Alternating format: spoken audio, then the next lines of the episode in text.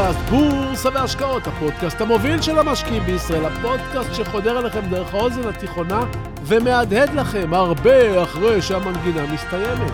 הפודקאסט שמעניק לכם כלים להשקעות, לעסקים ולחיים, אז תכינו מקום במוח, תכינו מקום בכיס, אנחנו מיד מתחילים!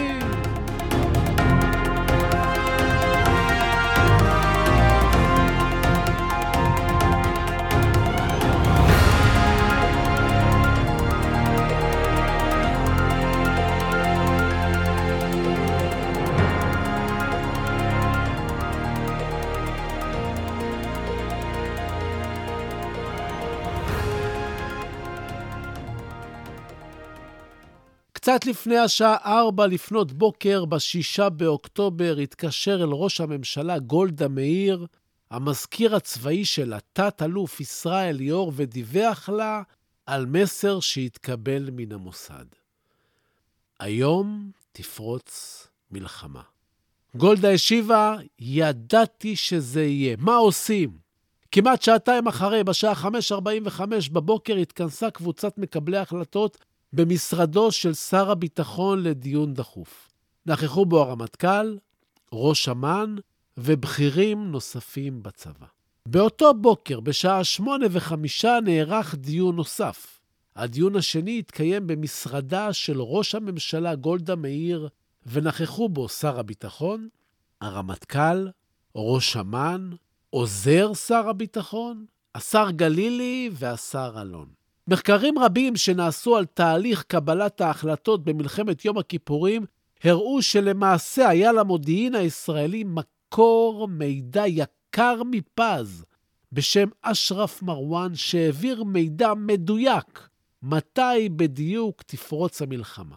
בשני הדיונים שנערכו באותו בוקר, יכולה הייתה החלטה אחת לחסוך בהרבה חיי אדם ולשנות את תוצאות המלחמה עוד בטרם החלה.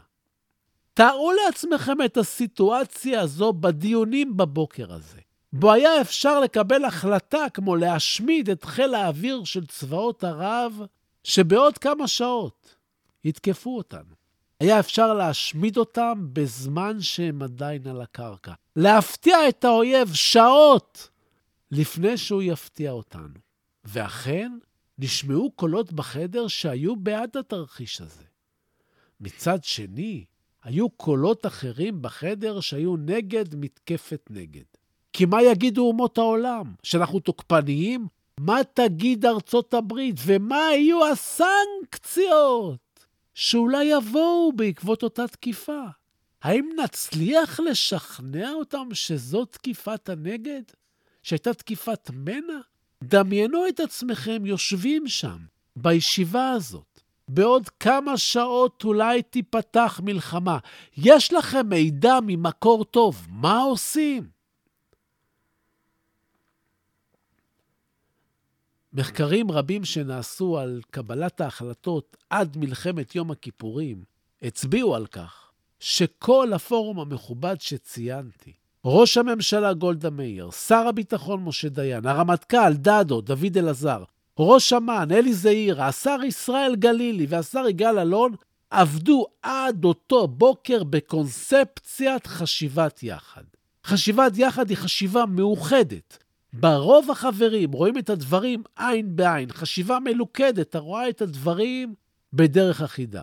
אולם על פי תמלול הישיבות שהתקיימו בבוקר ה-6 באוקטובר 1973 בלשכת שר הביטחון משה דיין ובלשכת ראש הממשלה גולדה מאיר, וכן תוך התבססות על דוח ועדת אגרנט, התברר כי סינדרום חשיבת היחד התחלף בבוקר הקריטי של ה-6 באוקטובר בסינדרום החשיבה המבוזרת. קבלת החלטות מבוזרת בקרב קבוצת מקבלי ההחלטות.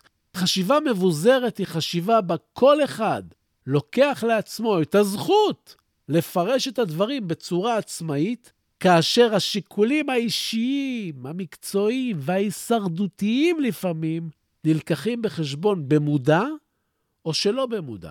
ואני הייתי מוסיף שחשיבה מבוזרת באיזשהו מקום מסרסת אומץ שנדרש דווקא ברגעים אלה. בעקבות קונפליקט פנימי וחוסר אחידות בין החושבים, הוחלט לבסוף שבמקום מכת מנע גדולה וגיוס מילואים מסיבי, הסתפקו בגיוס קטן ובהמתנה להתפתחויות, על מנת שתהיה הצדקה להגיב עליהם, כי לחלק מחברי הפורום היה חשוב שישראל לא תיראה תוקפנית. התוצאות הרות האסון לא איחרו לבוא. בדיעבד התברר שאם חשיבת יחד הייתה מיושמת, יכולה הייתה לשנות את כל התוצאה. החשיבה המבוזרת הניחה לצבאות ערב לעשות בנו שמות, בנו ובכוחותינו. בימים הראשונים למלחמה היו מימדים של אסון. כן, הכל עניין של סוג חשיבה. ומדוע נזכרתי בזה היום? על זה בדיוק רציתי לדבר איתכם. שלום וברוכים הבאים לפודקאסט בורסה והשקעות, הפודקאסט המוביל של המשקיעים בישראל, ואנחנו נדבר על המוח, על מחשבות, על השקעות, על מלחמות וכמובן דברים שומטי לסת, אז תהיו ממוקדים, תכינו מקום במוח, תכינו מקום בכיס, כי אנחנו מיד ממשיכים!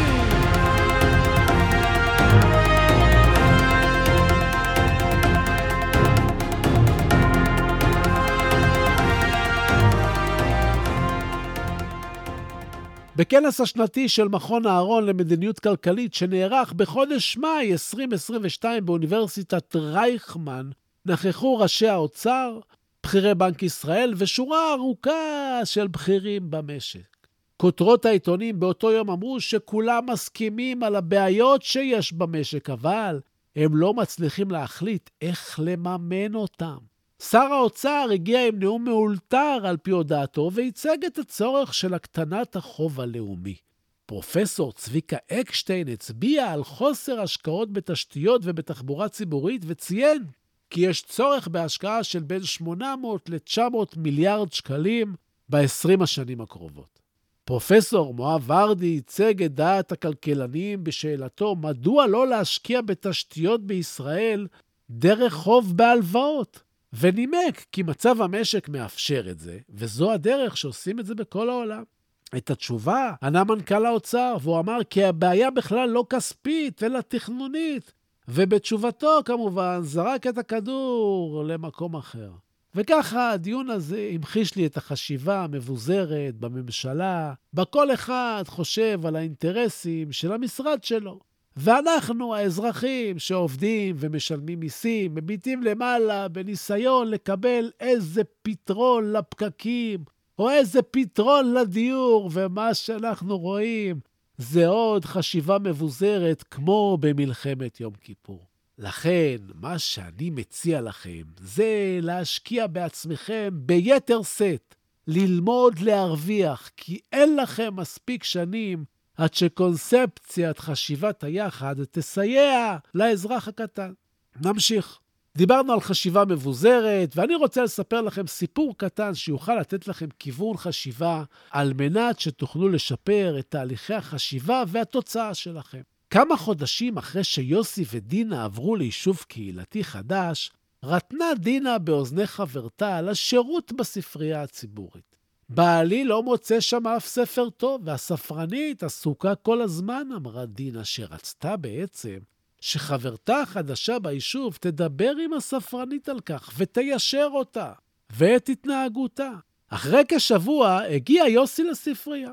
הספרנית הסבירה לו פנים ואפילו שמה לו בצד רב-מכר חדש שזה עתה הגיע. היא ציידה אותו בספר טוב נוסף בהמלצה שלה ושלחה אותו לדרכו עם חיוך. יוסי הגיע הביתה וסיפר לאשתו על היחס הנפלא שקיבל, והיא מיהרה להתקשר לחברתה. אני מניחה שאמרת לספרנית מה שדיברנו, כמה גרוע היחס שהיא נתנה עד עכשיו. לא ענתה חברתה. למעשה אמרתי לספרנית שבעלך, שהגיע בפעם הראשונה, נדהם מהיחס הטוב ומהדרך בה היא מנהלת את הספרייה, והוא היה מרוצה מאוד מהמגוון. סוף הסיפור. אפשר להשיג דברים בדרכים שונות. אפשר להעיר לאדם מסוים על מנת לקבל שירות טוב יותר, אבל גם אפשר לפרגן לו ולגרום לו לצאת מגדרו כדי לקבל מחמאה. לפעמים מילה טובה והערכה הם כל הסיפור. לפעמים מילה טובה יכולה להביא לכם תוצאה הרבה יותר טובה מכל עובד שלכם או לקוח שלכם, מאשר תנסו להוכיח אותו כבן אדם. בני אדם מונעים מעונג ומכאב. הם יעשו הכל כדי לקבל עונג ולהימנע מכאב. הספרנית שלנו רצתה עוד מהעונג של המחמאות והייתה מוכנה להשקיע בזה. ועם החומר הזה למחשבה, אני שולח אתכם לפינת הטיפים שלנו.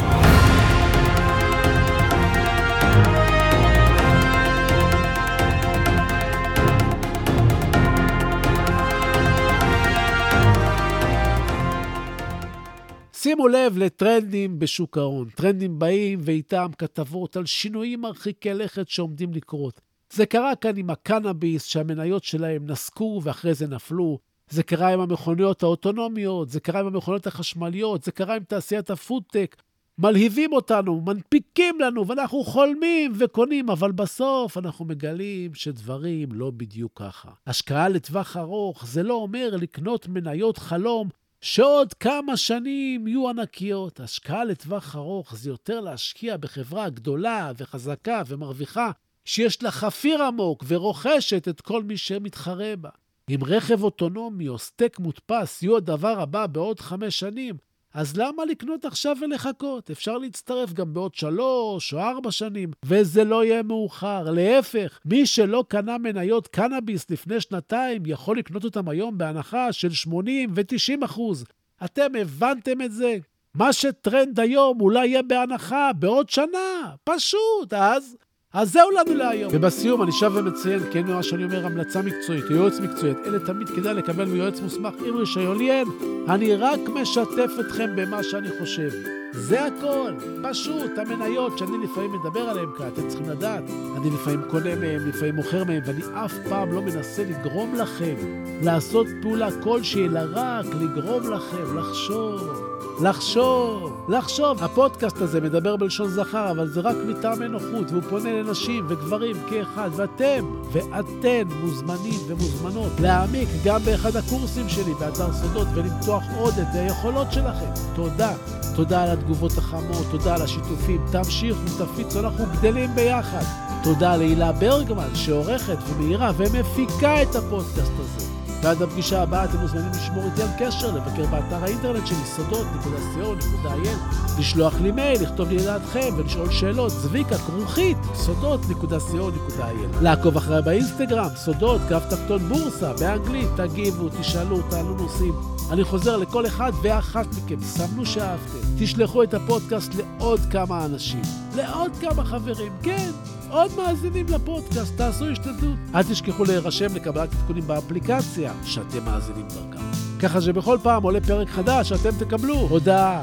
תהיו טובים, תעזרו למישהו שצריך, תעשו משהו טוב לעצמכם, תלמדו משהו חדש. בשורות טובות, הלוואי שתתעשרו בהקדם. בריאות, אני הייתי צביקה ברגמן, וניפגש בקרוב!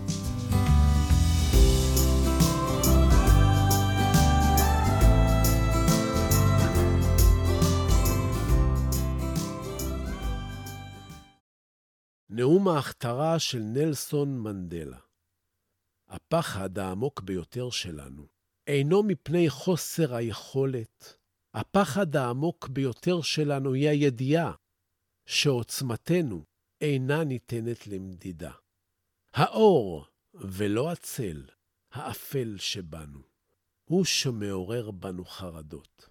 כל אחד מאיתנו שואל את עצמו, מי אני שאוכל להרשות לעצמי להיות כל כך מבריק, מקסים, מוכשר ומאושר. למעשה, מי אתה שתרשה לעצמך לא להיות כזה? אנחנו ילדים של אלוהים. כשאנחנו בוחרים לשחק את המשחק הקטן, אנחנו לא משרתים את העולם. אין שום דבר נאור או מואר בצמצום האישיות שלנו, רק כדי שאנשים ירגישו נוח בחברתנו. נולדנו כדי לממש את הקסם האלוהי הגדול בנו, הוא לא גלום רק בחלק מאיתנו. כל אחד מאיתנו נושא את הקסם הזה בתוכו.